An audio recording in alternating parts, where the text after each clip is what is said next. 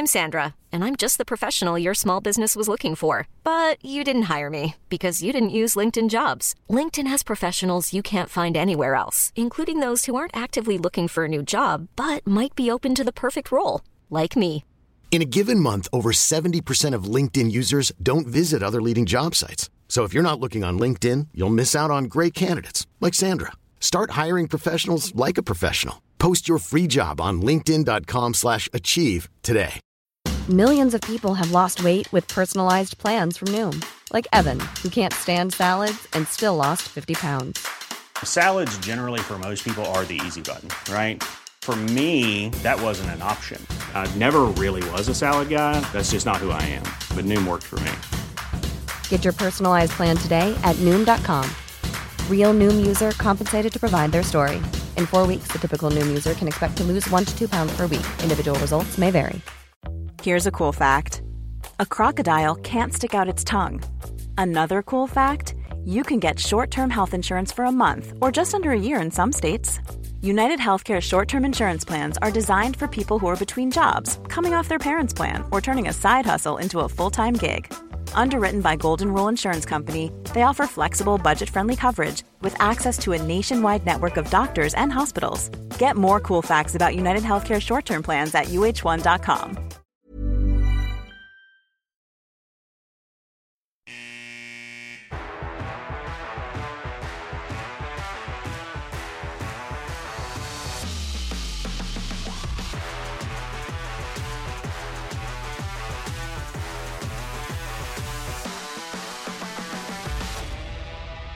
Vita, gula, blå är tillbaka med avsnitt nummer sju.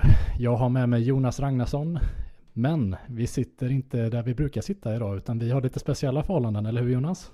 Jo men det får man väl ändå säga. Vi har gjort så här att vi har flyttat in i eh, ja, familjens eh, yngsta dotters sovrum dagen till ära för att eh, testa det här och kanske utveckla konceptet lite. Så det, jag tycker det ser hemtrevligt ut. Eller vad tycker du? Ja, det, det kunde absolut varit värre förhållanden. Det tycker jag absolut. Men det, det, du är så otroligt varm och välkomnar mig med öppna armar. Ja, det finns både kaffe och vatten här så det är bara att köra. Ja, det får man ju inte överallt. Du, vi har ju inte sett så mycket hockey nu på senare tid. Eh, så länge inte man njuter av att kolla på tråkig landslagshockey. Har du följt någonting alls? Eh, Jag kan ärligt säga att jag har sett sammanlagt fem minuter av Karjala Cup. Eh, för mig är det bara av ondo där i stort sett. Men jag vill ändå säga att det här uppehållet kom ganska lägligt. För man kände att man behövde ladda batterierna lite och eh, slippa den där lite ångestklumpen i magen när det vankas SHL och HV71. Det är väl min take på det hela. Själv då? Ja, nej men det, jag kan bara hålla med dig. Eh, jag har försökt kolla lite matcher i alla fall. Eh, det är väl inte varje år som HV får skicka fyra spelare, lite förvånat, till landslagsuppehåll. Eh, vi hade väl Brännström och Pettersson förra säsongen. Det var ju i och för sig inte Brännström en HV-spelare än, men eh, väldigt förvånande att så många kom med. Men det har väl varit lite Finlands stil att man plockar ut samma inhemska spelare, precis som Sverige plockar ut samma inhemska spelare. Att Seppel är med där. Borgström var ju i och för sig ny och Ticka var inte med som han varit innan, men det var ändå välkomnat. De får träna lite extra och få höja sitt självförtroende lite.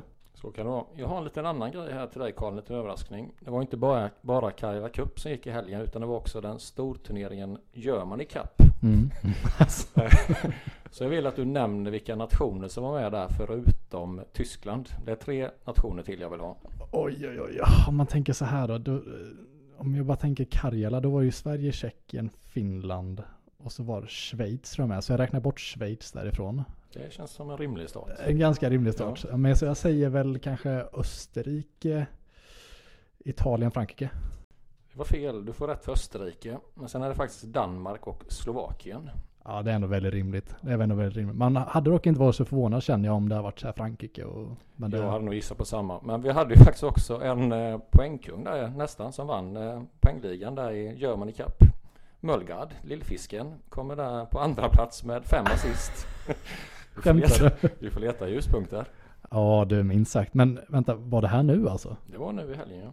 Att jag missat det är ju Ja, helt... det är jag bekymrad över hur du tänkte där. Ja, wow. det- Ja, där får jag, jag får verkligen blotta med det. det. Jag hade Ja, inte en ja, aning om att han var Även iväg. den bästa, även den bästa. Ja, nej men det var kul. Eh, hoppas man kan ta med sig lite av det till, eh, tillbaka nu då. Vi får verkligen göra det. Och Lens gick väl och vann poängligan i Karjala Cup? Japp, minst sagt. Eh, jag stod och och kollade på träningen lite nu i morse. Idag är det ju tisdag. Ehm, stötte jag på nubben och stod och pratade lite med honom. Ehm, och då pratade vi lite om landslagsuppehållet, att det var så många spelare som var iväg. Och, eh, jag frågade honom om Lench och att han hade gått så otroligt bra nu under landslagsuppehållet. Och ja, det är väl bara att hylla och han, eh, han hoppades verkligen att han kunde, att Radan kunde få ta med sig det in i, eh, vad ska man säga, comebacken till är det inte lite så att man letar sådana ljusglimtar som supporter nu när de får åka iväg på landslaget? Vi hade ju André Pettersson förra året egentligen som kände som han växlar upp ordentligt. Mm. Får hoppas på liknande med både Seppel och Borgström då kanske när de är tillbaka nu. Ja men lite så. Borgström fick ju göra ett mål där mot Sverige då. Eh, jag hade normalt sett sagt tyvärr mot Sverige men förlåt man bryr sig så otroligt lite om Sveriges Ja, jag håller med dig. Eh, ja, nej det är fruktansvärt tråkigt alltså det är ju bara VM man ser fram emot egentligen när det kommer mot vårkanten. Och då är det ganska uttjatat också i och för sig. Nej så är det ju. Det enda man egentligen hoppas också att de får vara där, spela, komma tillbaka med självförtroende och mm, framförallt mm, inte bli skadade. Toppen Jonas, jag tänker att vi går in på vårt första yes. segment. Jag är redo.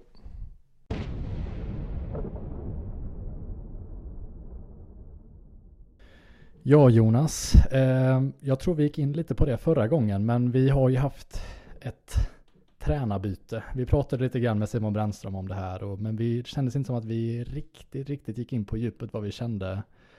Eh, våra egna tankar kring att vi bytte tränare och att Montén fick gå. Vad är dina blixtsnabba reaktioner? Vi har ju ändå sett några matcher nu. Nej men det kom ju helt väntat efter 08 förlusterna och jag tror att jag skrev då på X eller Twitter att det är bara att räkna ner till Lindbom står i båset. Och så blev det ju. Det finns ju en intern lösning som har funkat förr och då får man göra det igen. Och eh, ja, men det är väl en lösning som kommer räcka den här säsongen. Sen tror inte jag det är långsiktigt tänkt heller, utan eh, han har kommit in och räddat skeppet en gång innan och nu får han göra en repeat på det. Och jag tycker väl rent allmänt att Montén hade väl ungefär 100 videogenomgångar, 8 träningsmatcher, 12 SHL-matcher, men kunde ju inte sätta ett grundspel, framförallt i defensiv zon. Det gjorde ju Lindbom egentligen på en eller två träningar då. Eh, och det säger väl någonting också då att vad det är som han är duktig på. Det är väl min snabba direkta analys av det själv då. Jo, men jag tycker att eh, när man ändå varit och kollat några träningar, vi har ju alla sett matcherna, eh, och jag tycker man ser ett mycket mer simpelt spel framför allt. Eh, de lägger hellre ner mer tid på simpla övningar än alltså färre tid och göra en massa, massa komplicerade övningar som hade kunnat vara hur bra som helst i en utopisk värld. Men med krig och allt möjligt så lever vi inte i en utopisk värld, eller hur? Eh, utan det är ju ändå en prestationsbaserad business som vi verkar i och om det då är mer profitable att ja, spela ett mer simpelt spel som faktiskt går att ta in för spelarna, då är ju det den mer vägvinnande vägen. Eh, vilket jag inte bara tror att alla, oss, alla vi tycker, men det har ju även visats på banan. För att vi har ändå fått se ett ganska annorlunda HV71 jämfört med de första matcherna. Ja men så är det. Jag vill bara räkna upp fem siffror. 2, 3, 2, 1, 2. Vad tror du jag avser då? Ja du, eh, skulle det kunna vara kanske insläppta mål eller någonting? Det är korrekt. Så det är då 10 insläppta mål på fem matcher sen Lindbom tog över. Då är vi nere på ett snitt på två mål per match. Vilket gör egentligen att man ger sig själva en rätt bra chans att ta poäng och vinna matcher. Eh, och du sa lite, vi sa lite skämtsamt där med Brännström där när Simon gästade. Att det är play it simple boys hockey. Mm, mm. Jag tycker det syns så väl de matcherna har spelat. Att håll motståndarna på utsidan. Bevaka det berömda höga slottet. Håll rent framför kassen. Är du under trång, trångmål, sarg ut. I bästa fall, i värsta fall icing, andas, mm, mm. vintek. Mm. Så det är otroligt, eh, alltså ett fundament som jag tror att det är hans playbook egentligen i det här läget igen då. För då kan han inte påverka så mycket inför säsongen utan han kommer in. Då gäller det bara att sätta två, tre egentligen enkla ordningsregler för klassen. Och så får man hålla till det. Det är däremot jag känner också att hur många mål tror du HV har gjort på de här fem matcherna? Uh, är det fem matcher som vi varit med Lindbom då? Det är fem. Ja. Uff, uh, jag ska inte försöka räkna, jag bara slänger ut Det började med ja, två nollor. Ja, men ja. säg uh, nio då. Ja, du är rätt på den också. Så då tänker jag också lite så här att det är ju lite jobbigt. Men eh, det kan nog bli bättre förhoppningsvis. Men det kanske är också så att man investerar så mycket nu i att sätta försvarsarbetet. Ja. Du får nog jaga fortfarande lika mycket puck tror jag i egen zon. Jag tror inte det kommer skilja så mycket när vi tittar sen om någon månad. Jag tror att HV kommer vara väldigt mycket i egen zon fortfarande. Utan puck. Och då kanske det läggs ner så mycket energi och kraft på det. Att när du väl har pucken att du inte liksom får igång det där anfallsspelet. Det där jag känner lite att då kanske det är upp till individbasis att lösa den nöten. Och då, ja, förhoppningsvis så faller ju bitarna på plats då. Men försvarsspelet sitter ju i stort sett redan. Och det tog det då några träningar. Så där, där är jag trygg i just den grejen. Ja, ehm, och jag, som sagt, jag har varit och kollat på en del träningar nu. Ehm, sedan tränarbytet, eller inte sedan tränarbytet, men nu under landslagsuppehållet och inför de senaste matcherna nu mot slutet innan uppehållet. Och alltså, det är ju en klar skillnad på vad man försöker undervisa spelarna i. Eh, senast i morse när jag var och kollade så tror jag att de la ner en halvtimme på, på samma enskilda 5 mot 5 utbrytningsövning. Eh, där David, Johan Davidsson egentligen chippar ner pucken. Eh, Kaski, Seppele, alla backar får åka och hämta. Lägger back-back bakom mål. Där en mötande forward, om det är center eller ytterforward, kommer i mitten, tar emot pucken, lägger ut den mot kanten för att chippa ner.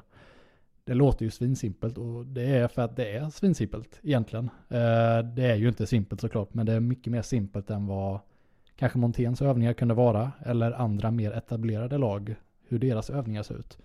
Men eh, vi såg ju förra säsongen att det här är vägvinnande Eh, kanske inte någonting som man ska sikta på i längden, men det är ju helt klart en metod som funkar när vi sitter lite illa till i båten. En liten fråga där, du som har sett träningen och jag har ju bara sett några med Montén där. Jag är lite mer nyfiken på också, ser du skillnader just när det gäller kampmoment? Att det liksom krigas mer på, på träningarna? Eller att, alltså ser du någon skillnad där? Ja du, ehm, det är kul. Vi kommer in på det sen angående Lindboms kommentar i JP där. Där han kräver mer krigande och kämpande och visar mer hjärta. Men eh, det var faktiskt nog det första jag lade märke till nu i morse. Att eh, det var eh, en helt ny form av kampande och övande. Ehm, de har ju nu på senaste träningarna, kanske sedan en månad tillbaka, börjat med lite djungelhockeyaktig övning där man kanske annars hade börjat med enkla passar, eh, gå till skott, gå på retur övningar. Men nu börjar de direkt med djungelhockey och direkt ser man Seppele och Sjöholm helt och hållet skita fullständigt i pucken och står och egentligen kramar varandra ner till marken. Um, vilket var väldigt fröjdfullt att se. Um, vilket man direkt kunde då också koppla till Lindboms kommentarer och det var en helt annan kamp um, kampvilja i alla övningar skulle jag säga. Och att man börjar då med en sån där övning, det visar väl ändå på vilken standard man sätter fysiskt på resten av, resten av träningen. Så det tyckte jag var väldigt intressant att se. Um, och ser gärna fortsättning och ser gärna resultatet av det. Redan på torsdag. Det har du nämnt lite några gånger nu, det är ju Lindboms uttalande i, var det Jönköpingsposten eller var det efter, kanske någon tv-sändning där. Då han sa, det var ju, då har de ändå vunnit två matcher, ta en poäng hemma mot Modo va? Torsk i sadden. Då tänkte jag så här att nu är jag rädd för att han kommer stå sig, eller vilken annan tränare hade stått och sagt någonting så här att det här är en process. Vi är på väg tillsammans i gruppen, vi har vunnit två matcher innan, vi har tagit sju av nio poäng. Och så är man redan där i det här liksom jada jada, mumbo jumbo. Istället så gör han det naturligtvis helt medvetet. Att han går ut och egentligen sågar då vissa spelare i laget. Inte, inte nämner dem vid namn, men det var han, det han tog med spelarna till uppehållet. Att eh, det är spelare här som krigar för klubben och visar hjärta. Vissa gör det inte. Och så avslutar han då med att säga att det kanske är därför vi ligger på 13 plats. Och det gör han ju. Han har ju varit med så länge och Limbo med olika roller att han vet ju precis vilka knappar han trycker på genom att skicka det som ett sista meddelande inför en träningsvecka eller folk åker iväg på landslaget. Så någonstans tycker jag det var väldigt skönt. Det hade varit så lätt att säga att vi har tagit 7 av 9 poäng. Det här liksom byggs inte på en dag utan det här kommer ta några veckor till. Istället var det bara stenhårt på det. Säga att det här är inte okej. Okay. Och det är inte så konstigt att vi ligger där vi gör. Upp på hästen och kör. Så det var, tycker jag var väldigt befriande på något sätt att höra. Ja, ehm, och min första reaktion var egentligen ganska chockad när jag läste det egentligen. För att eh, jag vet inte jag var inte speciellt superirriterad efter den matchen. Ehm, jag tyckte att det var en väldigt stor målvaktsmatch från båda sidorna. Ehm, sen eh, höll ju Modo väldigt mycket puck i våran defensiva zon. Såklart inte optimalt, men jag tyckte väl ändå någonstans att de skapade inte närheten av lika många lägen som eh, deras zontid i offensiv zon kunde visa på. Ehm, men såklart, jag kan ju instämma att eh, hade vi varit 10% mer kampvilja, 10% ehm, mer hjärta så hade vi gått segrande ur den där matchen. Ehm, så att visst, jag kan hålla med.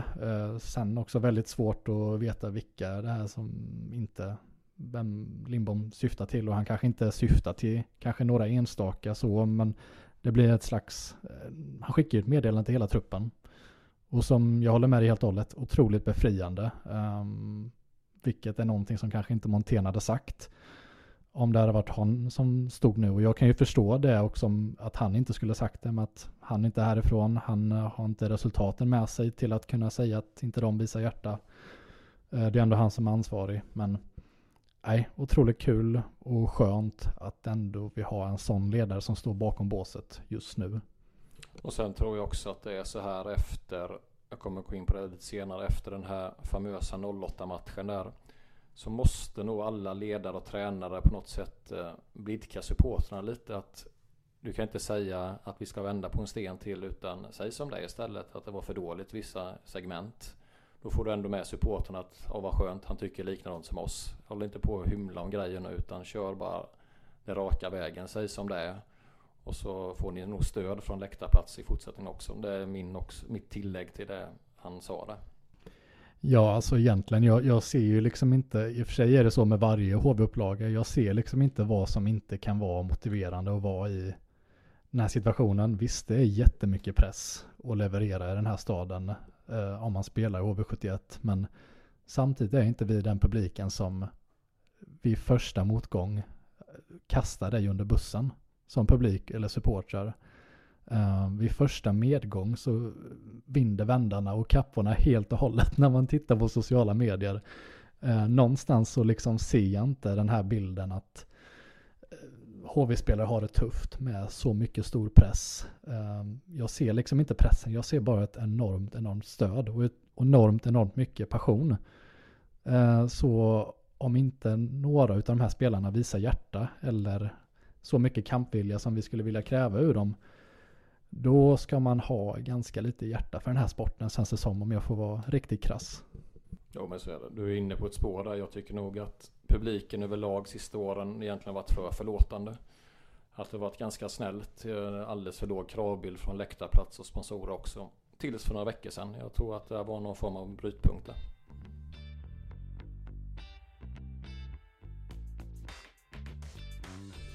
Ja Jonas, eh, då har vi pratat lite om Johan Lindbom eh, och jag tänker också att vi ska prata lite om laget som han förfogar över eh, men som även Thomas Montén har förfogat över. Vi ska ta och det är kanske lite sent på men vi ska ta och ranka alla spelarna som vi har i laget nu när vi spelat ungefär ja, ja det är en tredjedel av säsongen. Ungefär, så, lite krasst en tredjedel. Um, och vi ska då ranka dem enligt ett schema som är väldigt känt som Jonas nu ska få gå igenom.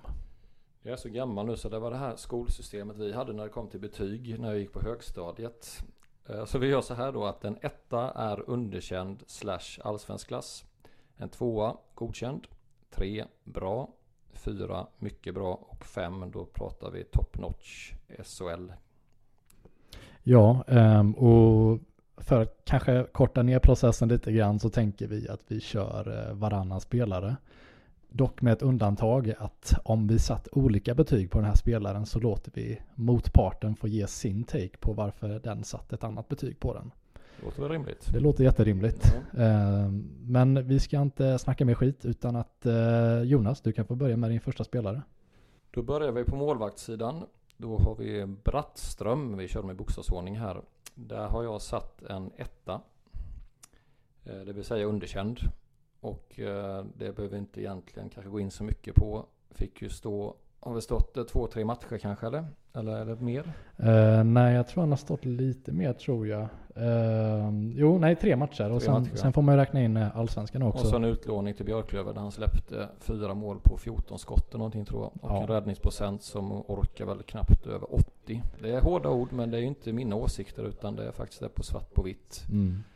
Eh, så att ja, på någonstans hoppas man ju att han, han kommer naturligtvis få stå fler matcher. Men då måste han ju upp på en rimlig nivå. Så att eh, ja, vi får hoppas att uppehållet gjort honom gott och att han ändå kan vara en hyfsad backup i fortsättningen. Då. Ja, precis. Eh, jag hade skrivit ner statistik också om att han släpper in 4,73 mål per match. Vilket är riktigt deprimerande siffror. Då var det svårt att vinna matchen. Sen var det väl i så att han stod lite i början också när det var lite svängdörr åt alla håll. Men det var inte så att han vann några matcher åt HV. Nej, så är det eh, Bara en, en, snabb take på det där egentligen. Varför ställer man inte till exempel Noah Erliden eller Glifford istället och utveckla en junior där?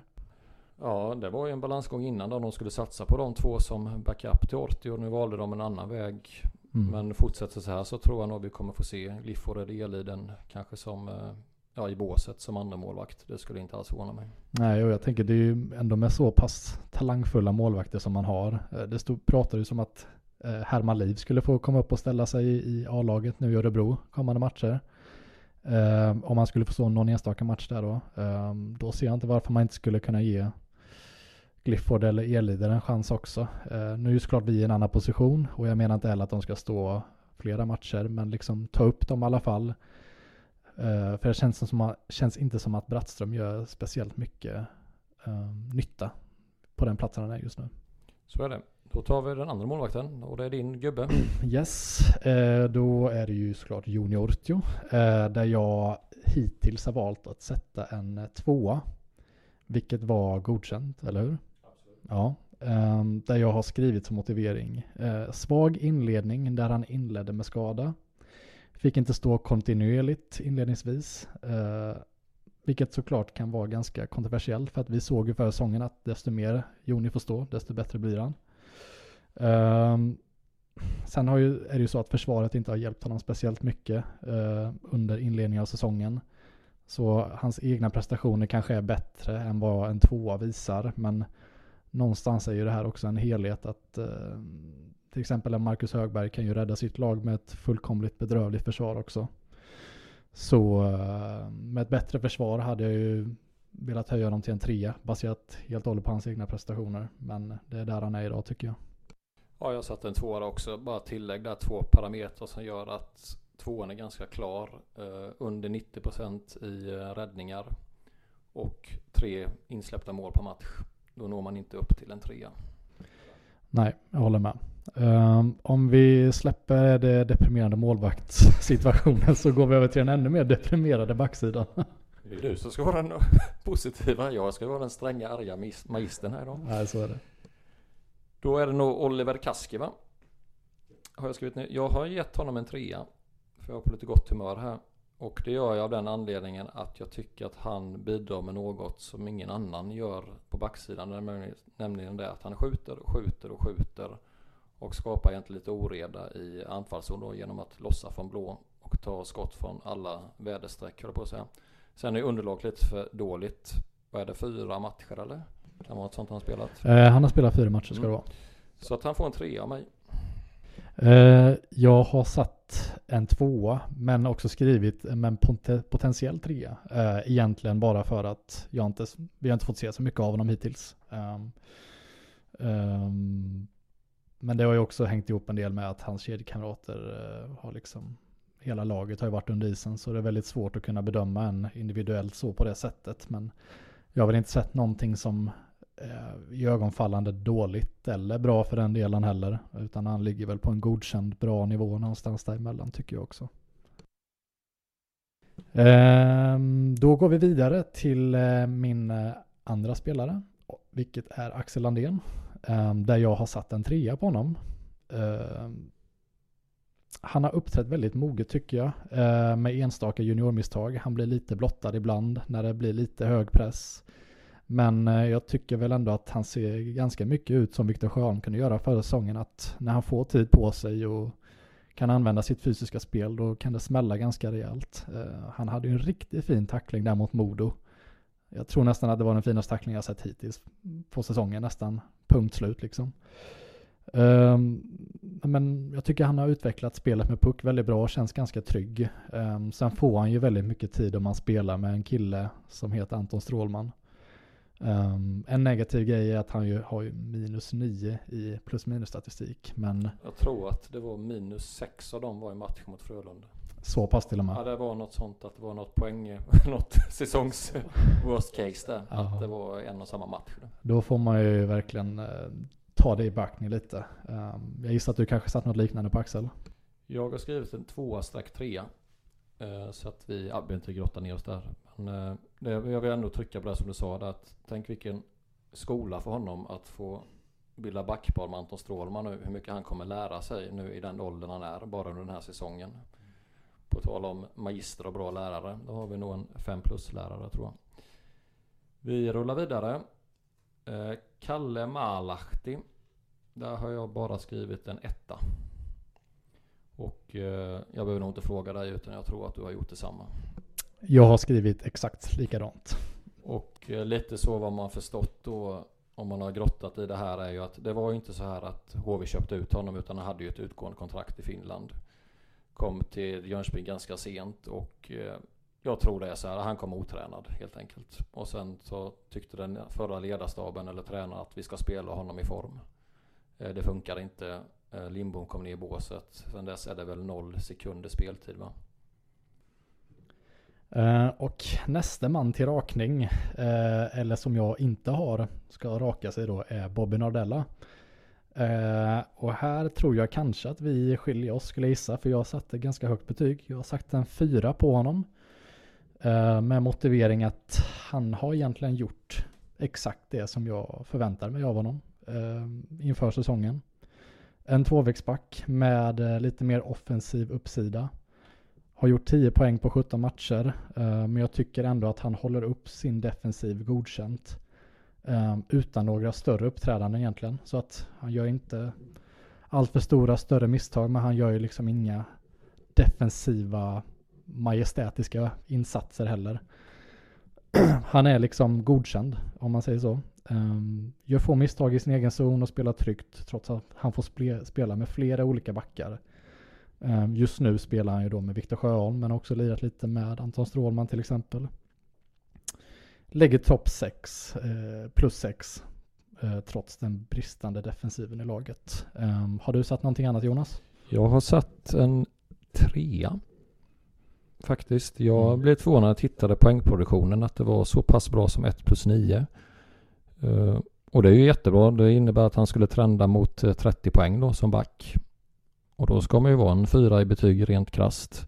Men jag inte, det jag saknar, jag ser liksom inte honom på matcherna riktigt. Alltså jag, Nej. det är lite så här Alfons Åbergs kompis Molligan som åker runt och sen när man tittar statistik, nej men då är det plus ett och två assist eller något. Så jag vet inte riktigt om det har varit mycket andra assister tänker jag kanske. Jo. Och kanske lite citationstecken gratispoäng i PP. Så att jag, jag, jag vill ha mer av honom i offensiven, alltså i spel 5 mot 5. Att han driver spelet. Eh, Så jag var nog mer inne på om jag skulle ta en två eller trea faktiskt. Mm. Men då är det nog bara, jag tänker, avtrycket eller brist på avtryck i spelet 5 mot 5.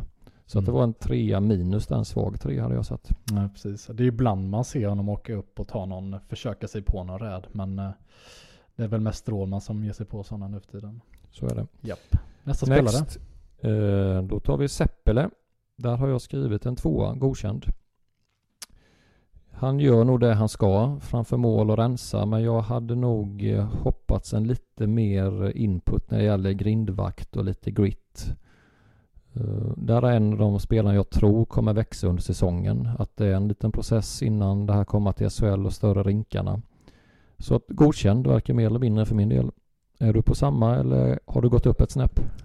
Det här kommer bli väldigt intressant nu. För jag har någonting helt annat verkligen. Du uppe på en femma menar du? Nej, inte en femma, en fyra har En jag. fyra? Ja, En det, fyra det jag. ska skilja lite ibland. Ehm, och då var jag ändå ganska, pessim- jag var ändå ganska pessimistisk inför för Seppele inför säsongen. Ehm, jag vet inte, det känns, känns som att det är ju såklart väldigt många finska spelare som kommer från liga har ju väldigt, väldigt tufft när de kommer hit. Men eh, om jag bara snabbt säger vad jag har skrivit, för det är ändå ganska anmärkningsvärt att vi satt så olika. Eh, har presterat bättre vad man kan kanske kunna tro. Eh, gjort övergången från liga till SHL bättre än de flesta finska spelarna i ligan. Spelar tufft, smart, mycket och gediget i egen zon. Det vill säga att om man kommer i en en mot en situation i egen zon så känns det som att han oftast vinner den. Och i boxplay, han lyckas alltid få ut pucken är min känsla liksom. Och då får han ändå spela väldigt, väldigt mycket. Vilket jag kommer in på nu. Um, enbart minus 5 på 17 matcher. Trots att han ligger trea i mängd spelad tid i boxplay per match. Um, snabbt innan jag går vidare och spinner vidare på det. Kan du gissa vilka som ligger före honom? I vad sa du? I mängd tid i boxplay per match. I, I HV eller Nej, i ligan. I ligan. I ligan. I ligan Oj, ja, men då tänker jag att uh, någon i Skellefteå, Pudas eller Pudas. Mm, nej, nej du... Mm, inte. Jo, pu, jo, Pudas är nog rätt. Ja. Sen har vi en annan som är längre upp också. Vilket lag? Luleå. Luleå, ja men då är det ju, eh, vad heter han? Nu står det helt still här. Uh, nej, den får du ta. Ja, Erik Gustafsson. Ja, Erik Gustafsson såklart. Ja. Som skrev på nytt treårskontrakt såg jag i veckan. Precis, ja, du, han hade också kunnat behövas verkligen. Eh, nej, men just att, att man ändå spelar så mycket tid, trots att boxplay varit så ifrågasatt och ändå bara ligga minus 5 på 17 matcher. Han spelar alltså ungefär 2.30 i boxplay varje match eh, med ett egentligen uruselt boxplay. Då tycker jag det är ganska anmärkningsvärt att man bara har minus 5 eh, och då blir lite det statistiskt bevisat att han är bra på att få ut puckar och gör ett bra jobb, i alla fall i boxplay. Sen har ju han sina brister också, man ser att han blir blottad ibland också. Um, han spelar de flesta avgörande situationerna när laget är tillbakapressat. Såklart enstaka misstag, men jag tycker att han liksom löser det mesta ändå. Um, han är liksom inte den första backen jag skulle kritisera vid knölarna. Uh, I alla fall, är min känsla. Det är väl skönt att tycka olika. Uh, ja, minst sagt. Uh, och då går jag över till uh, Viktor Sjöholm. som jag har varit väldigt tudelad om för att han har ju ändå eh, egentligen fått åka runt med ett gips, om man får vara lite elak, ett gips från Finland. Eh, han har ju fått spela en del med Kalle, Kalle Malahti och Kalle har ju inte haft en eh, bra säsong och någonstans känns det som att det här tagit över Viktor lite också i hans uppgifter på banan när han fått spela med Kalle då. Men jag satt en tvåa um, streck ner till ett för att jag liksom inte tyckte att det hållt alls egentligen. Um, såg väldigt intressant ut under försäsongen uh, med en större offensiv uppsida och fortsatt dominans i defensiven med sin fysiska styrka. Vi kunde ju inte hylla honom nog efter vad vi såg under ja, försäsongen egentligen och efter den fjolårssäsong som han spelade också. Um, däremot har han inte fått ut i närheten av det han skulle kunna få denna säsongen. Um, jag tycker inte han har varit tillräckligt bra heller när han fått spela med Strålman. Nu har det varit bättre när han varit med Nordella. För Nordella är väl ändå ganska, egentligen den närmsta Emil André tror jag, som vi får detta året. Och under Emil André så var ju Viktor Sjöholm extremt, extremt bra.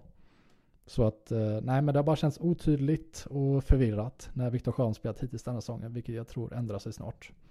Har du satt, satt någonting annat Jonas? Jag körde en svag tvåa där, men det är mest för uppryckningen som har skett sista matcherna när han fått spela med Nadella.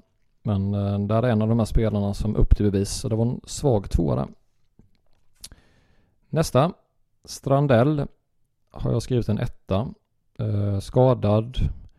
De matcher han spelade tycker jag han har haft problem med tempot. Eh, det är också frågan där om det kanske ska vara en utlåning efter jul där när han är hel. Eller om han då ska få chansen. För jag tänker att konkurrensen är ganska hård nu på backsidan.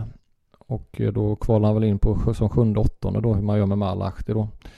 Så att eh, nej, det har inte riktigt rockat där. Så att det blev underkänt där. Jag kan säga att jag satt exakt likadant med i princip exakt samma motivering. Han känns inte som att han hänger med i tempot alls. Vad som känns svårt i HV-läget är att det känns ju egentligen konstigt om man skickar både Strandell och Malahti trots att det är de sakerna man egentligen vill göra. Um, jag tycker inte det är någonting emot att Strandell har talang men han har liksom inte alls kunnat mm, ta vara på den här möjligheten nu. Ta nästa steg. Man kanske bara inte var redo. Han kan säkert vara redo vid ett annat tillfälle. Vi får hoppas på det. Det får vi hoppas på. Um, och då går jag över från en, uh, ja, mer pessimistisk syn till en mer optimistisk syn. Um, där jag Anton Strålman. Um, och här har jag satt min enda femma. Där kom den, ragadish. ja, vi pratade lite inför nu och då kollade Jonas konstigt på mig när jag sa att jag satt ut en femma. Um, men jag sätter faktiskt det på Anton Strålman och jag sätter den delvis efter eh, förväntningarna som man får ha på honom. För att antingen var det stora lovord eller stora pessimistiska nedtryckande åsikter om att eh, Strålman skulle komma till HV inför säsongen. Men man får ju ändå säga att det var stor press inför säsongen samtidigt som man ändå räknade ut honom för hans ålder. Han är ändå 37 år gammal och dalande prestationer i NHL i ryggsäcken.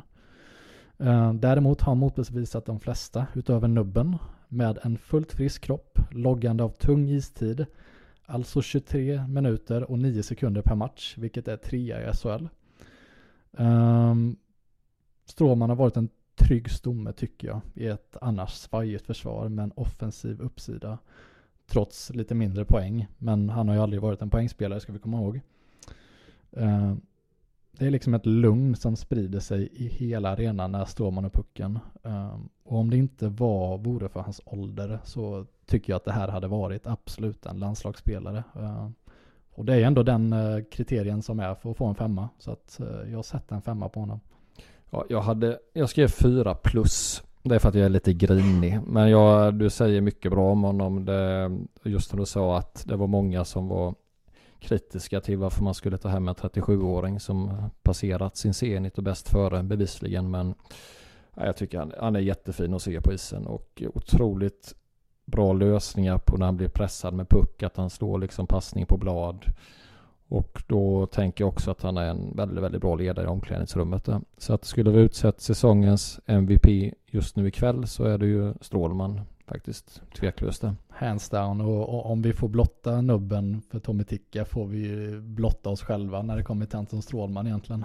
Det var rätt på det. Jag tänkte lite så här att hade det inte varit gott med en kontraktsförlängning på honom då? Om han är 37 nu så kan han ju spela till han är 39 eller något. Ja, jag, tweet, jag tweetade om det någon match där att det är väl på tiden att man börjar prata om förlängning där. Ja, men han sitter ju från tåget från Skövde, Jönköping. Har det gått och lyssna på podd då kan han spela ett år till eller två i Jönköping. Ja, jag tänker så här, hade han krävt två år så hade jag faktiskt gett honom det. Alla dagar i veckan. Det är ändå en ledare man får ja, också. Ja. Det kan man ge en sjunde back egentligen. Men ja, eh, någon Strålman, det är nästa spelare nu. Det var väl alla på backsidan där va? Så jag tänker att vi går vidare på forwards.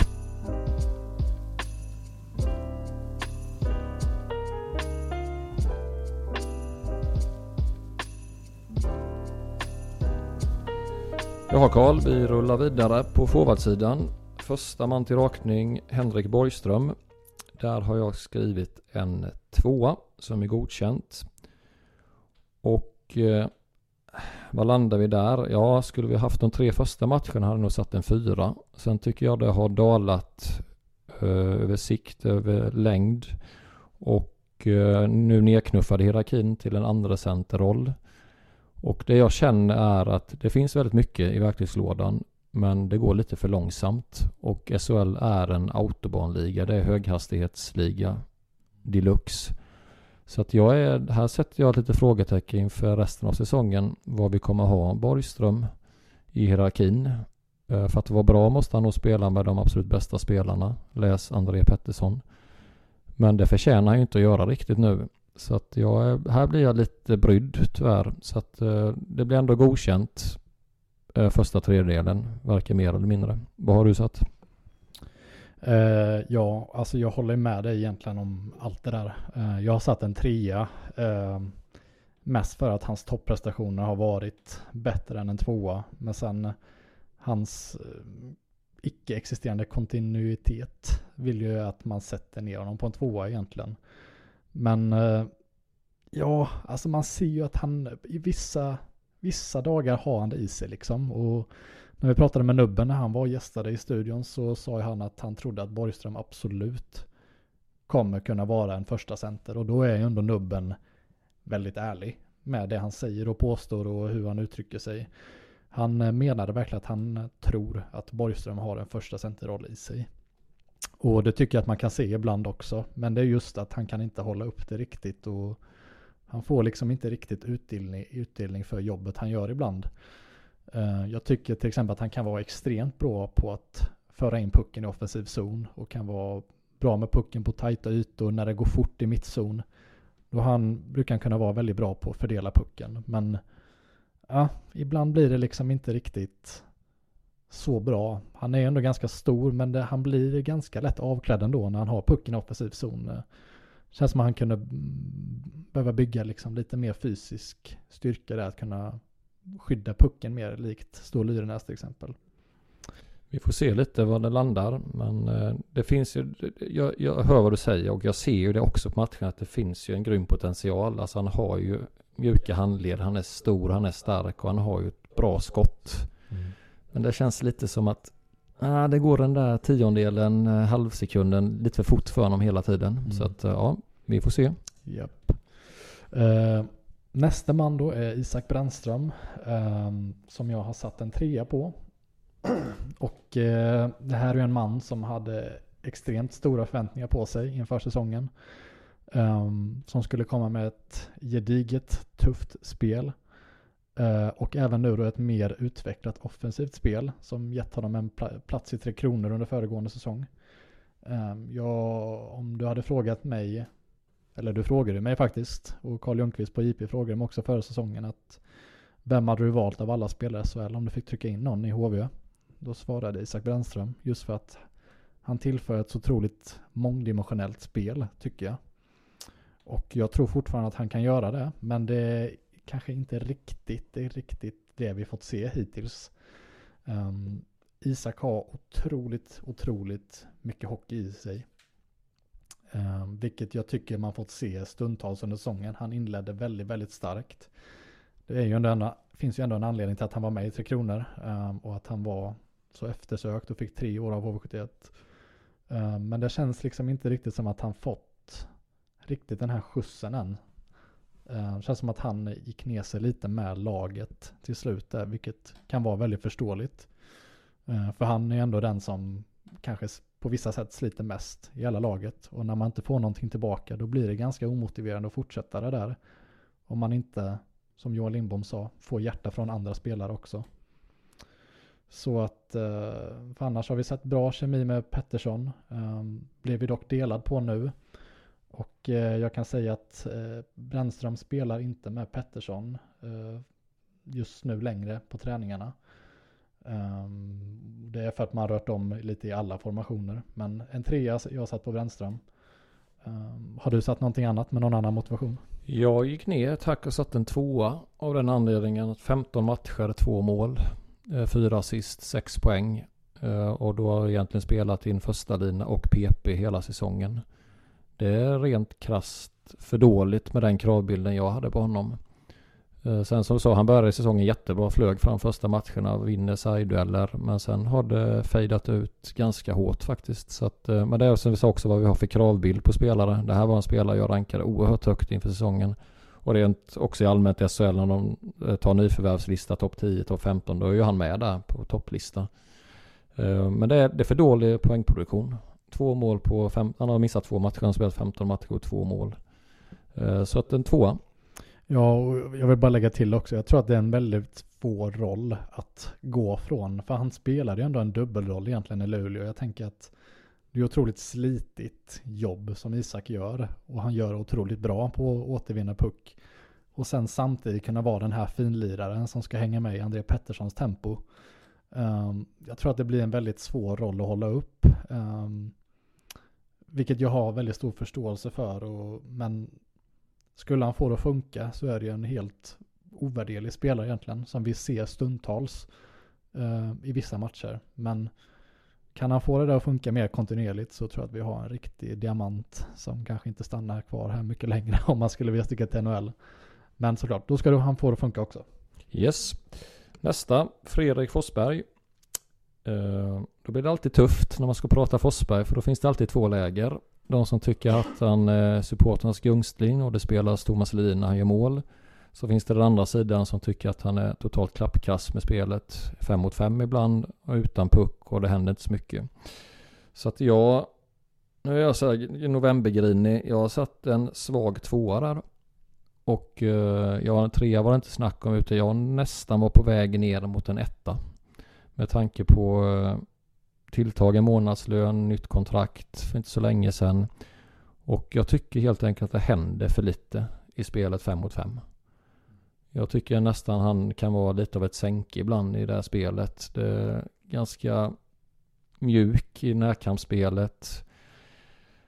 Krånglar till det ibland och men sen när han väl kommer in då får han sina stim ibland och då vet man. Gör han mål i en match då gör han alltid mål i en efter och kanske en till. Och gärna något PP-mål och ser bra ut. Och sen I'm Sandra, and I'm just the professional your small business was looking for. But you didn't hire me because you didn't use LinkedIn jobs. LinkedIn has professionals you can't find anywhere else, including those who aren't actively looking for a new job but might be open to the perfect role, like me. In a given month, over 70% of LinkedIn users don't visit other leading job sites. So if you're not looking on LinkedIn, you'll miss out on great candidates like Sandra. Start hiring professionals like a professional. Post your free job on linkedin.com/achieve slash achieve today. Millions of people have lost weight with personalized plans from Noom, like Evan, who can't stand salads and still lost 50 pounds. Salads, generally, for most people, are the easy button, right? For me, that wasn't an option. I never really was a salad guy. That's just not who I am. But Noom worked for me. Get your personalized plan today at Noom.com. Real Noom user compensated to provide their story. In four weeks, the typical Noom user can expect to lose one to two pounds per week. Individual results may vary. är det som att det bara det fejdar ut där. Så att eh, två minus, alltså en svag tvåa jag satt. Är vi på samma nivå där eller? Ja, jag har skrivit två streck ett. Ehm, och om jag säger så här, jag, vi har ju pratat en del om hur man får igång Forsberg. Det har ju varit en ständig debatt egentligen sedan han först kom till HV, året vi åkte ut. Och någonstans känns det som att nu har liksom alla korten spelats. Att man pratar ofta om att ja, men låt dem spela mer, spela dem i den här konstellationen, ta inte ur dem ur powerplay. Det känns som att vi har gett honom alla, alla de här eh, möjligheterna nu till att skapa ett kontinuerligt bra spel. Men det har liksom ändå inte blivit något kontinuerligt utav det. Um, så jag eh, blottar lite situationen med Forsberg nu att eh, jag ser inte vad mer HV kan göra för att få honom till att kunna bli en mer poängproducerande och offensiv stjärna som man har i sig. I någon mån vill man ändå tro. Um, för just nu så försvinner han ur matcherna egentligen som man knappt märker det. Um, vilket är otroligt synd tycker jag. För att det är ändå en så stark profil som finns i laget. Som hade kunnat bli en otrolig, otrolig, såklart han är hjälte redan i samband med att han tog upp oss. Men han hade kunnat etablera sig som en ännu större hjälte om han bara kunde få ut mer. Men det... Nej, det är flera andra spelare som har gjort det mycket, mycket bättre i en annars väldigt svag säsong från lagets helhet. Håller med. Nästa. Nästa. Eh, här skulle jag gissa att vi skiljer oss också. Nästa man är ju då Radan Lench. Och här har jag satt en trea, men streck till fyra. Um, och här har vi en man som kanske har ändrat vad jag tycker lite eh, roll i laget från vad han kanske var tänkt att ha när han först kom till HV. Um, ehm, han har gjort en del poäng varav de flesta varit i PP. Han har gjort en del mål, sju om jag räknar rätt. Um, försvinner en del poängmässigt dock i fem mot fem. Um, målen och det här ger honom en trea i min bok. Men samtidigt så vill jag höja upp honom till en fyra när, man, när jag ser det här hårda slitet som han gör i sin forecheck och den fysiska kapaciteten han har att kunna vara en power forward helt enkelt. Um, och hade han kunnat sätta 20% mer utav de lägena han får och skapa sig själv i 5 mot 5 så tror jag att det här hade varit den klara vinnare nästan i HV säsong, säsong 23-24. Men så är det ju inte nu och det är ju en sak som man behöver jobba på. Eh, vi fick ju se i landslagsuppehållet nu när han fick spela med Tomasek hur, eh, hur Adam Lenz kan producera när han får spela med riktig center i form av Tomasek då. Eh, så att, nej men jag vill sätta någonstans mellan en trea och en fyra, så tre plus då säger egentligen för att han gör otroligt bra jobb även när han inte gör mål. Har du någonting annat? Jag har tvåa streck trea, mer mot trea hållet då. Men det är lite, jag fastnar där att, jag tror det är sex månader gjort, det kan ha fel i sig, men då är det fem i alla fall i PP. Och, men jag ser ju att det finns potential och då tänker jag så här att det här skulle kunna vara en spelare som lyfter en klass under säsongen. Men då ska han ha rätt omgivning. Och att han ska få spela med de bästa spelarna i en kanske en första lina över tid och testa det. Och se var vi landar. För att eh, jag, jag håller med dig mycket du säger. Men samtidigt blir det bara, då är det bara ett mål. Spel fem mot fem. På, 17, på en tredjedel av säsong. Då blir jag så här, då sitter jag där och säger att det här är inte godkänt. Men sen ser jag att han är stark. Vad för mål? Han gör ju de här returerna liksom i PP. Och lite gubben i lådan så här. Och då är det så här, hur, hur tar man tillvara på en sån spelare nu resten av säsongen? Mm. För han har ju skills. Mm. Och det är en öppen fråga för att jag vet inte riktigt det. Men jag har satt två streck tre. Mm. Där kan jag säga att jag har en intressant spaning från träningen som vi kan ta upp sen också. Då tar vi den sen. Om du tar den. En, så, en sån där teaser, vad heter det? Cliffhanger. det är stort. Jag får vänta en halvtimme när vi gått igenom hela laget. Ja, ja. Vi kör vidare. Det är jag eller? Ja det måste det vara. Eh, Måns Lindbäck. Eh, har jag satt. Eh, först skrev han etta. Hur det såg ut första matcherna. Sen tycker jag att han är uppe på en tvåa. Och sista när han får spela med Önerud i en fjärdelina som faktiskt var bland de bättre spelarna några matcher nu i slutet. Och då är frågan också vad ska vi ha för kravbild på en fjärdelina spelare? Ja, att vara en jobbig jävel, vinna tacklingar, reta upp motståndare. Jag tycker inte Lindbäck har gjort det stora delen av säsongen. Så att jag är närmare en etta än en tvåa kanske. Så att ja, jag, jag är lite sur så jag sätter en etta då.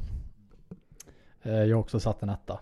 Ehm, och det är väl lite för att eh, på något sätt så tycker jag att Önerud till exempel är mer energisk och pigg än vad Lindbäck har varit nu en säsongen. Nu kanske är väldigt konstigt att säga det när han drämde upp en puck i krysset var mot Skellefteå nu. Ehm, men jag liksom eh, ser inte honom ta några steg. Jag tyckte han var bättre förra säsongen exempelvis. Ehm, han har ju liksom ingen förmåga som är Ehm, speciellt ut, utmärkande. Uh, inte jättesnabb, inte så speciellt teknisk, inte så jättebra skott. Uh, inte en playmaker på det sättet. Såklart sliter gör han ju, men det blir ju väldigt haltande när han inte är så snabb. Ehm, jag vet inte, det är väldigt svårt och speciellt när han inte då lyckas prestera superbra och inte har de här förmågorna med sig, då blir det väldigt lätt att det blir en etta och att han inte riktigt håller på den här nivån. Då, då var vi överens då. Ja, helt enkelt. Uh, nästa man har vi då Oskar Fiske Mullgård. och det här är en man som vi pratat om en del också. Vi pratade med nubben om honom. Um, hans personlighet går ju inte annat än att bara hylla genom taket egentligen. Um, har en kollega som uh, vars vän är tillsammans med Oskar. Uh, eh, spenderat somrar tillsammans med honom och man får bara höra dag in och dag ut på jobbet hur vilken otrolig kille det här är. Går inte att hylla honom nog. Uh, på isen däremot så tycker jag att det har sett lite, lite sämre ut faktiskt. Och om jag ska jämföra med förra säsongen så har det sett ganska mycket sämre ut om jag får vara helt ärlig. Um, vi pratade med nubben och det har ju tydligen varit en extremt lång säsong, föregående säsong, där han uh, inledde med att spela i HV71 J18, som sedan blev HV71 J20, som sedan blir HV71 A-lag, som därmed efter det blev Danmarks U18-VM, som efter det blev Danmarks JVM, som därefter blir Danmarks VM. Och en del hockey där Det är en del hockey, det är en del intryck, det är en del resande, det är en del ambitioner och en del passion för en 18-åring att ta sig an. Samtidigt som det är väl så att han inte vill uppehåll från skolan va? Utan han kör gymnasiet så är det faktiskt. Och det hade jag inte ens skrivit med här, men du har helt rätt Jonas. Nej, det är ju så att, nu får jag lite så här extra bonus här, att uh, hans mamma är ju lärare och tycker det är viktigt med utbildning. Ja. Han verkar vara en, eh, en, eh, nog en fryntlig dansk det där tror jag. Nej, men jag tycker liksom han har försvunnit lite i spelet och eh, det är ju med allt det här matchandet och den här tuffa föregående säsongen så är det ju förståeligt att han kanske inte kunde lägga ner så mycket tid på en stark försäsong och bygga upp sig som man egentligen hade kanske velat göra. För det, jag tycker det syns att han inte är riktigt där fysiskt. Eller ehm, jag vet inte, kreativiteten har liksom försvunnit lite tycker jag. Um, ja, jag vet inte. Har du sett någonting annat? Nej, jag håller med allt. Jag har satt en tvåa där också. Och eh, jag har också satt frågetecken framtiden. Jag, jag känner att när vi sitter och summerar säsongen så jag vill bara veta att vi sätter en given trea då. För den utvecklingen, eh, den ska vi nästan kunna kräva av honom kan jag känna resten av säsongen. Att det finns så mycket hockey genom det. Men en tvåa där. Vi går vidare bland våra nordiska grannar. Eh, Jonas Nettinen är nästa. Där har jag skrivit tvåa som är godkänd. Stabil tredje center. Det räcker med den korta motiveringen. Ja, egentligen. Alltså det finns inte så mycket mer att säga. Um, såklart, man var ju ganska lyrisk inför säsongen när han spelade så otroligt bra med Lench och Forsberg. Jag har också satt en tvåa. Uh, och skriv, faktiskt inleder med att skriva perfekta tredje fjärdes kedjan. Alltså inte mycket mer att säga. Nej, stabilt. Um, så går vi över då till Cap 20. Uh, André Pettersson som numera är skadad då. Um, ryggproblem har jag hört. Um, jag har skrivit att han, han har varit väldigt viktig. Vilket är ganska uppenbart. det var årets spaning tror jag. ja, eller hur? Han har varit väldigt viktig. Uh, nej, men däremot uh, ett steg ner från förra säsongen tycker jag. Ehm, kan bero på skadan från VM eh, eller då den ryggskada han ådrog sig senaste matcherna nu. Har varit ganska osynlig och saknat självförtroende, speciellt de senaste matcherna tillsammans med Brännström och första kedjan. Där snarare hela resten av laget har ryckt upp sig tycker jag.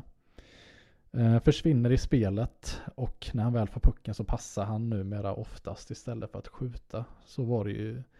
Det var ju något tillfälle där i Modomatchen när de kom två mot Ja, ja det var ju Modomatchen där. Han, han skjuter ju hundra gånger av hundra där och hänger upp den i klykan. Mm. Och det var väl den matchen han missade en straff också va, tror jag. Och det hade ja. han också gjort mål på i vanliga fall. Japp, ja men det, han är iskall annars ju. Ja. Vad, men du var betyget? Missade du eh, fyra satte jag. Eh, och just nu när du tog upp det där med skottet så ligger han ändå, eh, jag tror han låg på femte plats i SHL i skotteffektivitet. 15,91 procent.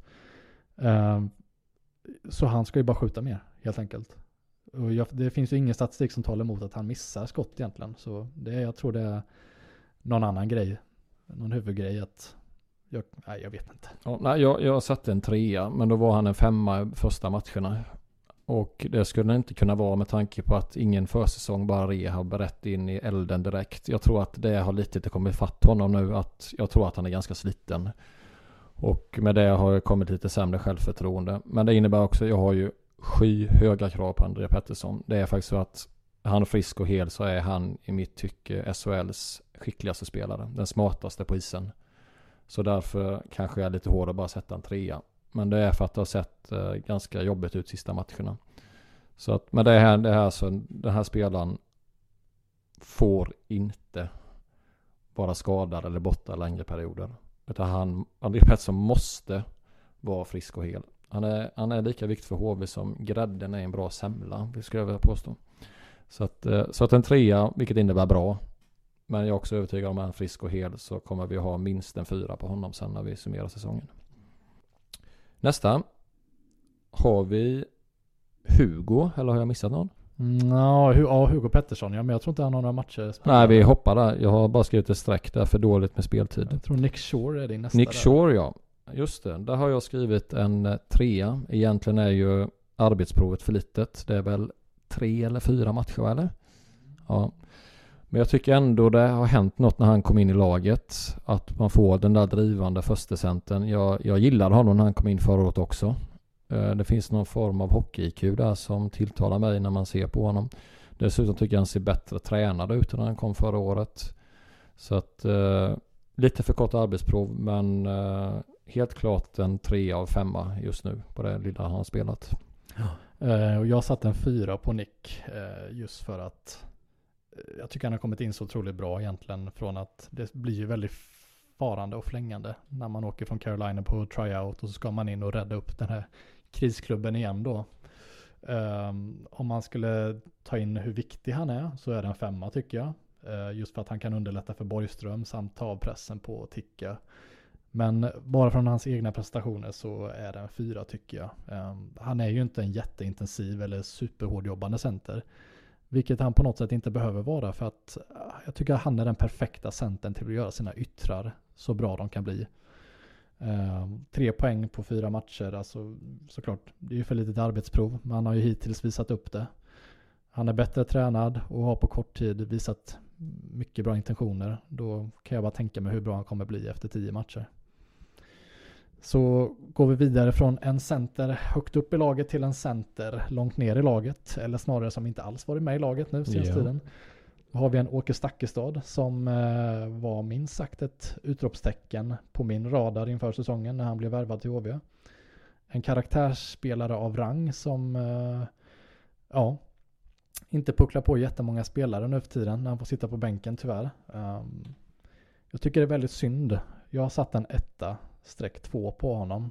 Egentligen är det då en etta, kanske plus, men eh, det här är en kille som jag tycker har väldigt mycket hockey i sig. Um, men om jag får säga så här att jag tycker det är jättekul att han är HV och han kommer kunna göra det bra i framtiden.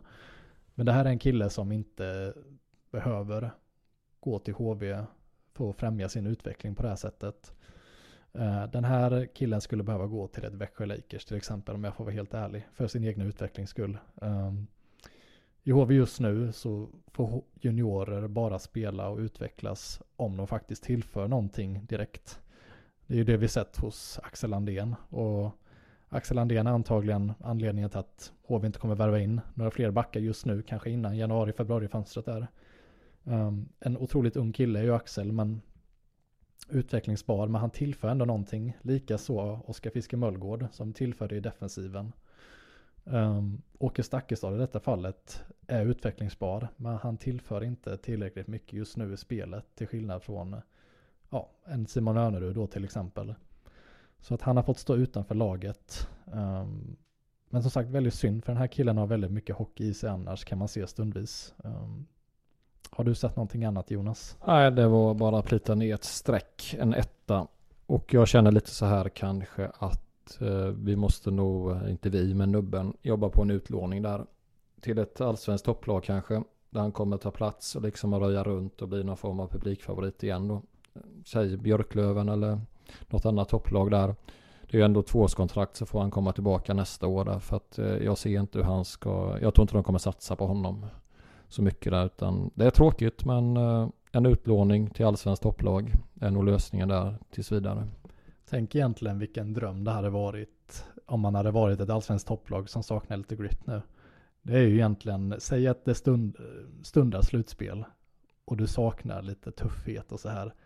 Och en Åke Stakkestad sitter här och inte får spela. Det är ju egentligen ja, Tänk en allsvensk final mellan Brynäs och Björklöven där och så Per Kente tar hem, tar dit Stakkestad. Då kommer det röjas då. Ja men det är egentligen, alltså säg en... Ja men det är ju win-win för alla parter egentligen. Så att det, Säg Brynäs ta in honom som en motpart för Weigel i Björklöven då. Någon som kan möta upp där. Ja, vi får se. Vi, vi spår ju här nu i kulan då och säger att Åke Stakkestad spelar allsvensk final med antingen Björklöven eller Brynäs. eller hur? Så får ni komma ihåg det sen lyssnare. Ja. Ja, vi rullar vidare. Eh, Stål Lyrenäs. Där har jag satt en trea. Och så tittar jag statistiken. Vet du hur många poäng han har gjort på 17 matcher? Uh, fyra eller fem har han gjort va? Ja, det är fem plus noll. Fem mål och noll assist. Mm. Men där överensstämmer inte mitt ögonbevis med statistiken. Jag, jag gillar mycket det Ståhl Yrenäs har. Han har ett skott, han skapar chanser. Jag tycker han är en av få spelare som kan driva spelet i anfallszon också. Eh, sen är frågan då vilken omgivning. Det är många vi diskuterar var de ska vara som bäst. Men det här tycker jag är nog en spelare liknande Lens också som ska få en plats högre upp i hierarkin om de som inte är tilltänkta vara där från början levererar. Eh, så att jag, jag, tycker det finns en USP med honom med det där direktskottet och att han är ofta i de farliga områdena. Eh, så att eh, jag talar emot mig själv. Jag tittar ofta på vingar så tittar jag på hur många poäng de har producerat för jag tycker ändå det är deras primära mål på något sätt. Och då är ju 5 plus 0 det är ju alldeles för dåligt egentligen. Men jag sätter en trea för honom ändå.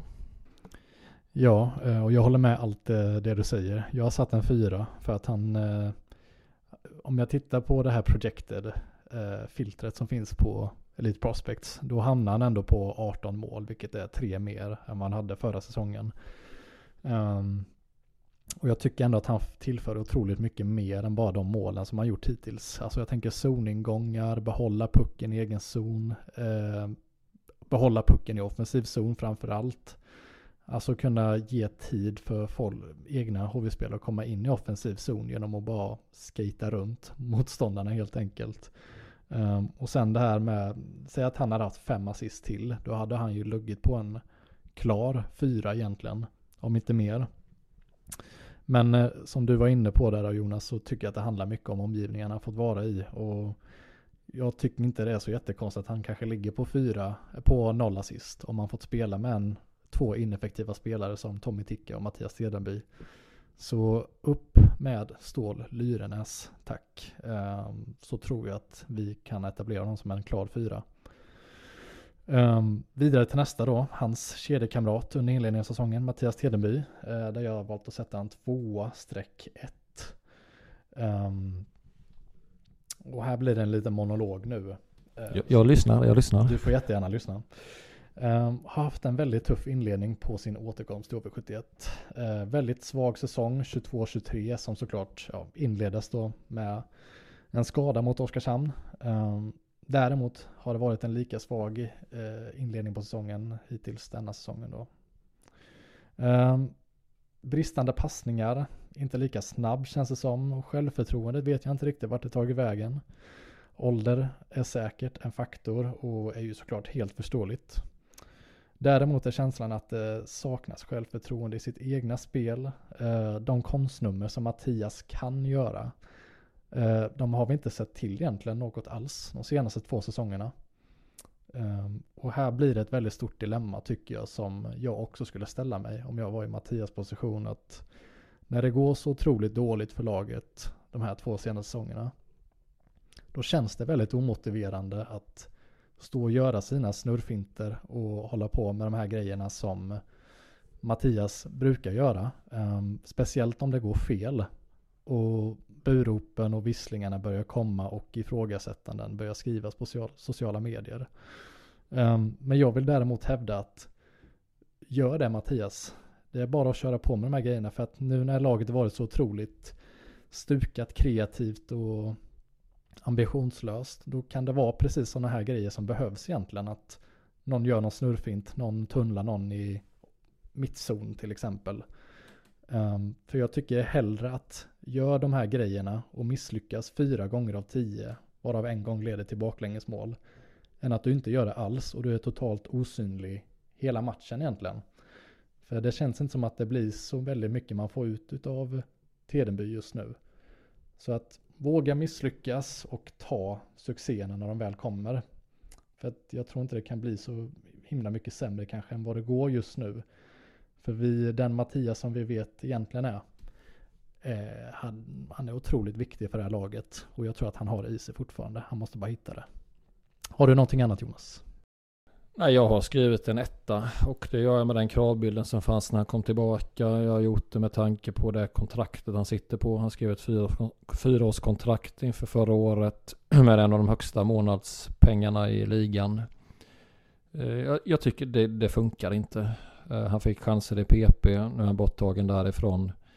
Det är så att säga, det, det är hafsigt och flängigt och nej, jag vet inte. Jag, jag är lite att HV sitter lite bakbundna med det här kontraktet. Sen får man vara hur mycket hemmason och forna guldhjälte. Men det spelar ingen roll i dagsläget. Så att eh, en etta tyvärr. Då går vi vidare till eh, Tommy Ticka. Och eh, jag fortsätter på det spåret och har kritat ner en etta och underkänt även där. Prestigevärvning av nubbens. Det var väl lite nubbens gubbe. Aldrig varit i SHL innan. Blev därmed den första spelaren som får ett treårskontrakt som uttalad andra center egentligen och eh, det har ju inte gått alls som center. Viss uppryckning, jag säger viss uppryckning när han får gå ut som vinge de sista matcherna. Eh, sen säger folk då att han varit skadad till och från, det kanske han har varit. Men eh, första tredjedelen kan man inte sätta annat betyg än etta. Jag tror jag nöjer med det. Ja, eh, jag har också satt en etta på Tommy. Ehm, har ju liksom inte alls blivit så som man hade tänkt. Um, har ju fått gå ut på vingen nu, vilket jag tror du sa.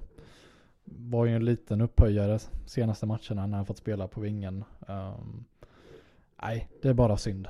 Eh, uh, den spelare som man vill hade kunnat funka i HV för just nu händer det inte så väldigt mycket mer än små enstaka gruff i periodpauserna. Inte periodpauserna men mellan avblåsningarna. Jag tycker att man kan förvänta sig mer av Tommy egentligen än det. Um, ja, jag har egentligen inte så mycket mer att säga än det. Det känns väl lite så att han kommer få spela vinge från och till, kanske 13 forward ibland och sen så kommer han nog i så kallat samförstånd och bryta kontraktet i sommar. Det är mm. min spaning på Tommy Ticka. Ja. Och då har vi sista killen som också var sista killen att faktiskt ansluta till laget, vilket är Simon Önerud. Och eh, det här var ju en väldigt intressant fråga när vi ställde oss för några avsnitt sedan Jonas. Ska vi ha in Önerud eller inte? Håller han? Vad kan han faktiskt tillföra med den åldern och den försäsongen han har haft hittills? Och eh, jag får egentligen bara ta och pudla mig lite grann för jag var ganska, ganska skeptisk i början. Eh, för jag tycker att han har gjort det, speciellt nu senaste matcherna, har gjort det väldigt, väldigt bra tycker jag. Eh, såklart väldigt, väldigt bra utifrån de förhoppningarna jag hade på honom i den rollen han ska ha. Eh, varit en skjuts in i laget och varit en ledare för kedja 3 och 4. Eh, inte i samma form såklart som tidigare år. Däremot så fyller han en bra roll nere i, i lägre hierarkierna. Eh, håller en helt klart godkänd nivå utifrån de förutsättningar som man kan ha eh, i de rollerna längre ner. Eh, har du någon annan uppfattning? Jag har inget betyg, det låter som en trea. Ja, förlåt. Ja, nej, jag, bara, jag, nej, jag tror inte det. Om det nej, men jag, jag, har satt, eh, jag, jag har satt en tvåa. Jag tycker det är godkänt. Ja. Uh, då kanske, visst, då hade jag inga krav på honom alls. Jag var ju kritisk till att plocka in honom. Så med det sett kanske med, jag skulle satt en trea. Men eh, stabilt, habilt. Mm. Två av mig. Han gör sitt jobb och han gör det bättre än vad jag trodde nu sista matcherna. Mm. Bra Jonas. Det Sådär ja, vilken mastodontgenomgång av uh, truppen med betyg på samtliga spelare. ja, men du vet kan det här bli världens längsta poddavsnitt tror du? Ja, det, Eller kommer saxen få gå? Grejen är, vi ligger ändå lite under övriga podden, men det, det är kul att kunna ha något att Ja, ja, absolut. Så. Um,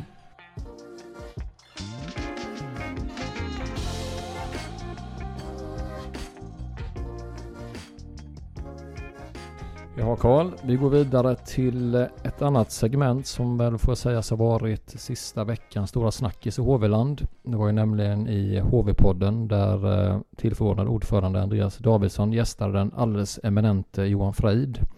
Och där sparas inte på krutet. Det var nog eh, sågklingan fram och det sågades till höger och vänster. Det var att han kallade HV de senaste åren för Fat and Happy det var inget SM-guldsbeteende i någonting alls. Och att det var alldeles för mycket snack och alldeles för lite verkstad sett över lång sikt.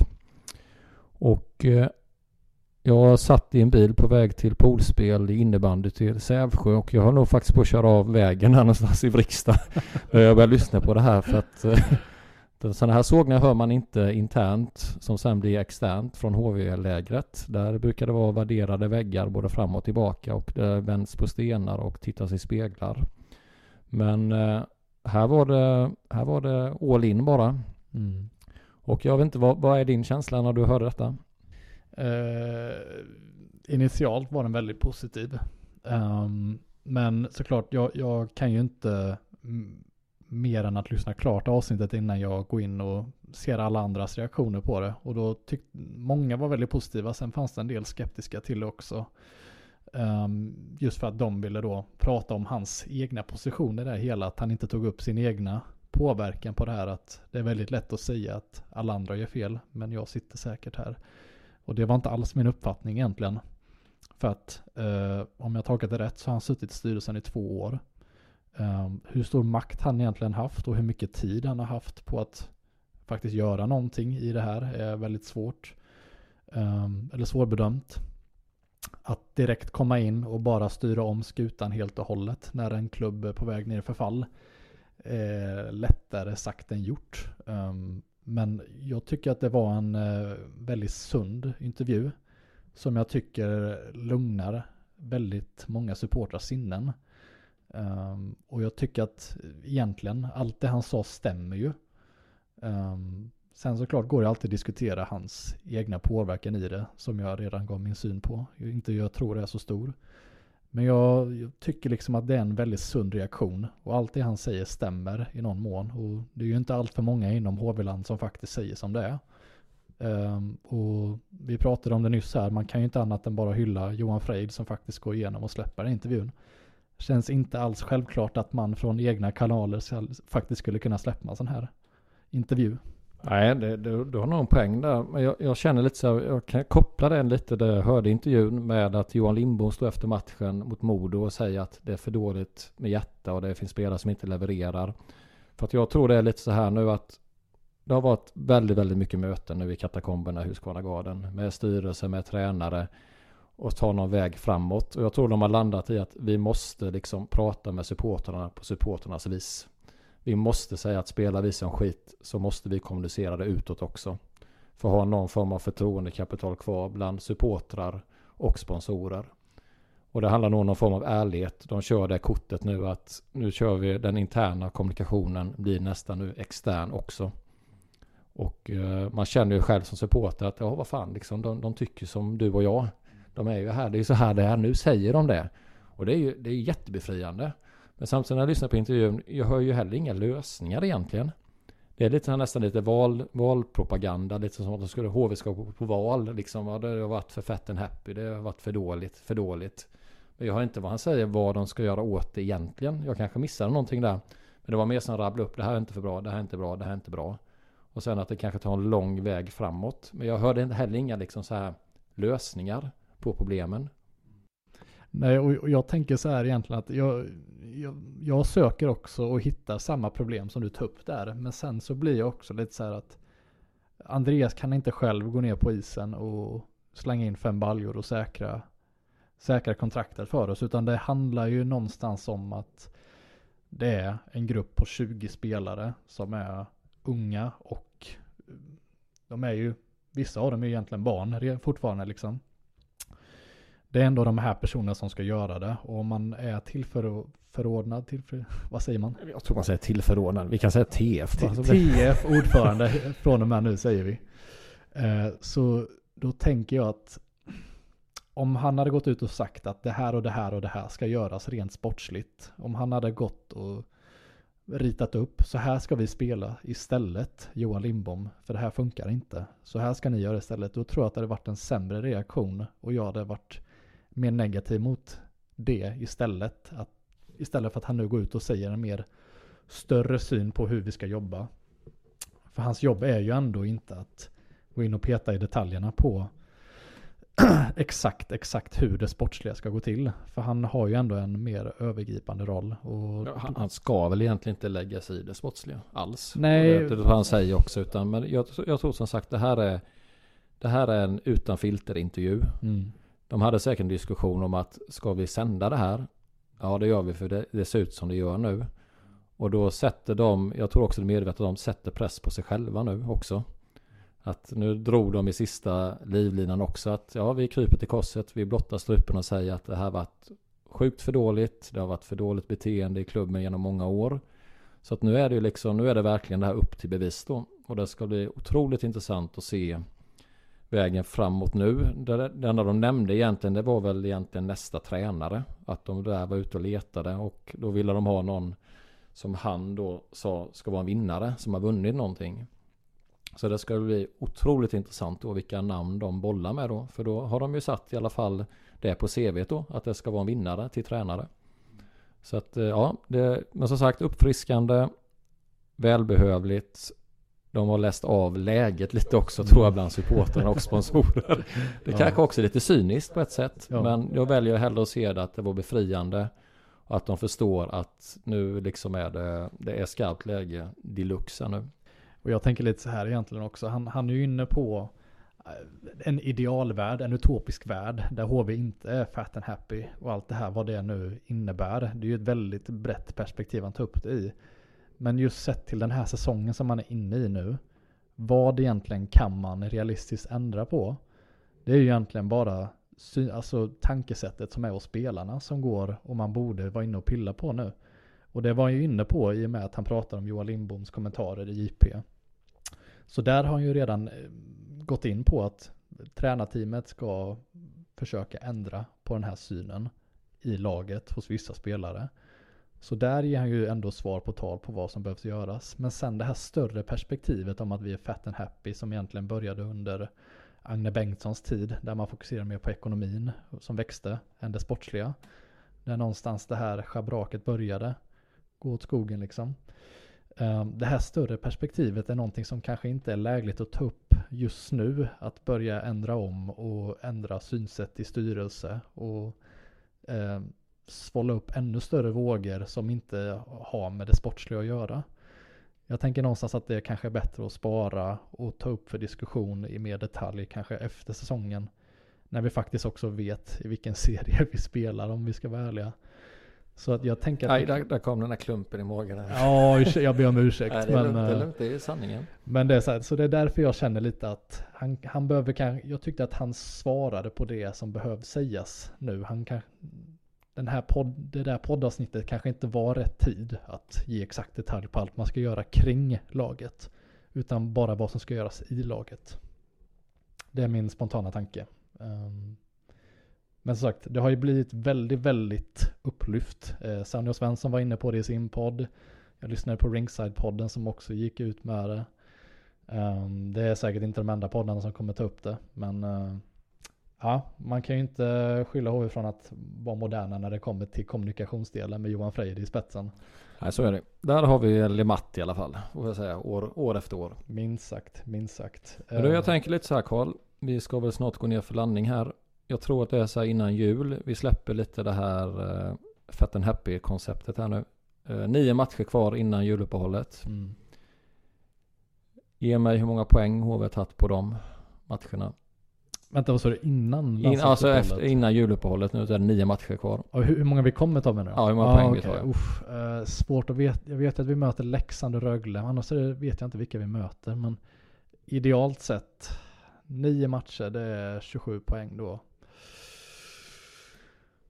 Jag tror nubben sa ju 15 när vi sa något liknande inför landslagsuppehållet. Det blir inte så många va? Ja, men jag får väl hoppas på någonstans mellan 15 och... Nej, jag säger 18 poäng. Du säger jag är 18 så vi hamnar på optimistisk. två. Du hamnar på två. Nej det var lite därför jag eh, satt och kollade lite just hur många poäng det krävs. Och när HV ligger där de gör nu att vi måste upp på den nästan eh, två poäng per match nu. Ja.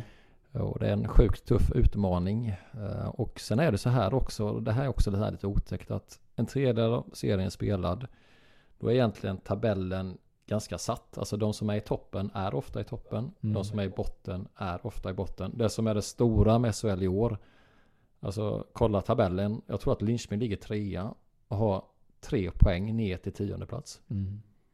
Så där kommer det ju ske förändringar där. Men vi kan säga så att Färjestad kommer vara topplag. Etta, tvåa. Oskarshamn förhoppningsvis då får jag säga efter HV. Men eh, så att det kommer, det ska bli intressant att se nu vad som händer här. Men de räddningsplankor jag hade innan säsongen lite med Linköping, Malmö Modo gissar jag också. och Modo. Men Linköping trea, Modo fyra nu. Mm. Eh, Så att vi, de här snittpoängen upp på två per match, det måste snart gå i skarpt läge här.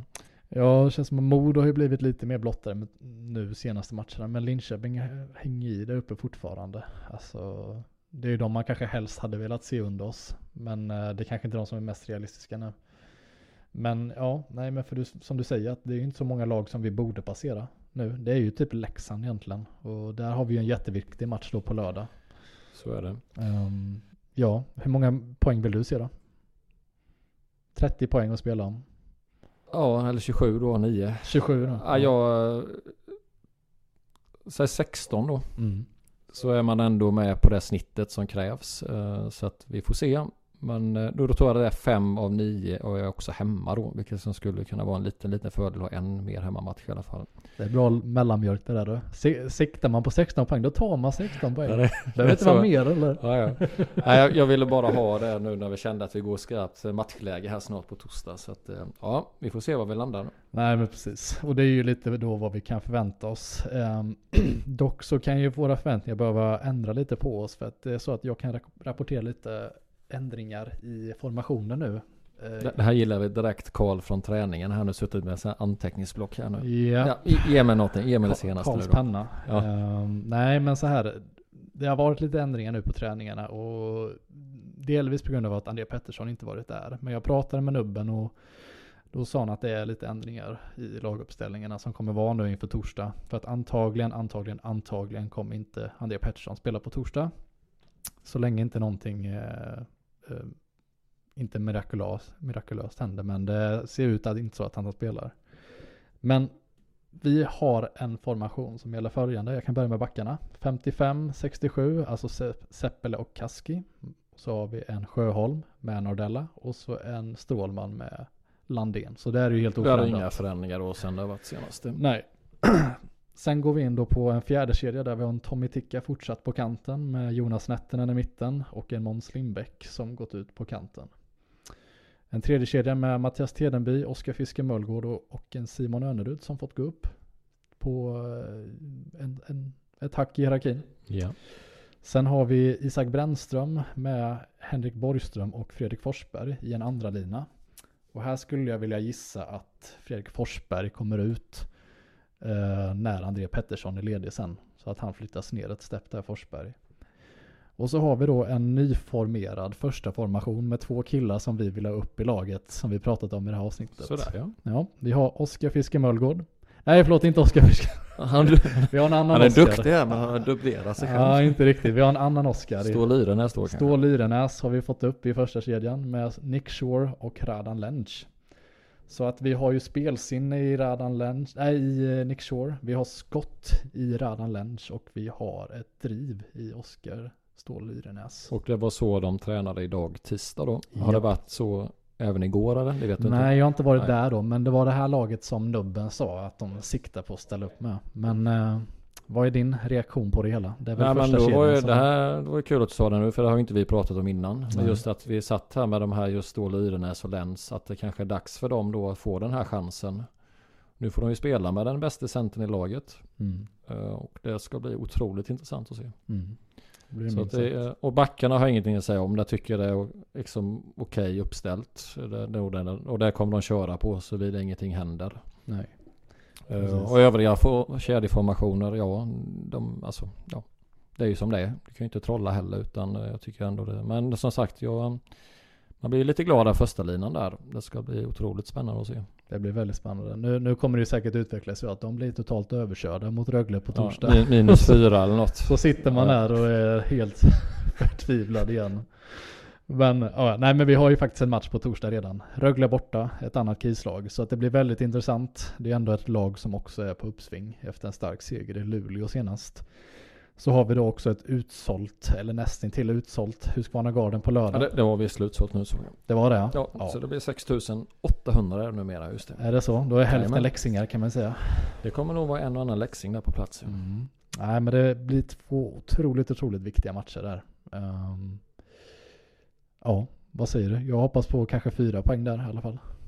Då säger jag tre då. Ja, det, jag är optimistisk. Nu, fick jag, alltså. nu är jag så här naiv i mitt supporterskap. Nu kände jag lite så här, nu borde man gå och längta igen till 1859 när man alltid tror att de ska vinna. Ja, ja, ja, så är det. Nej, jag, jag bara tänker på de här två poängen per match som vi måste ta nu alltså. Det, det gäller att de börjar ticka in och då är det ju ändå två smaga lag vi möter. Så är det ju, så är det ju.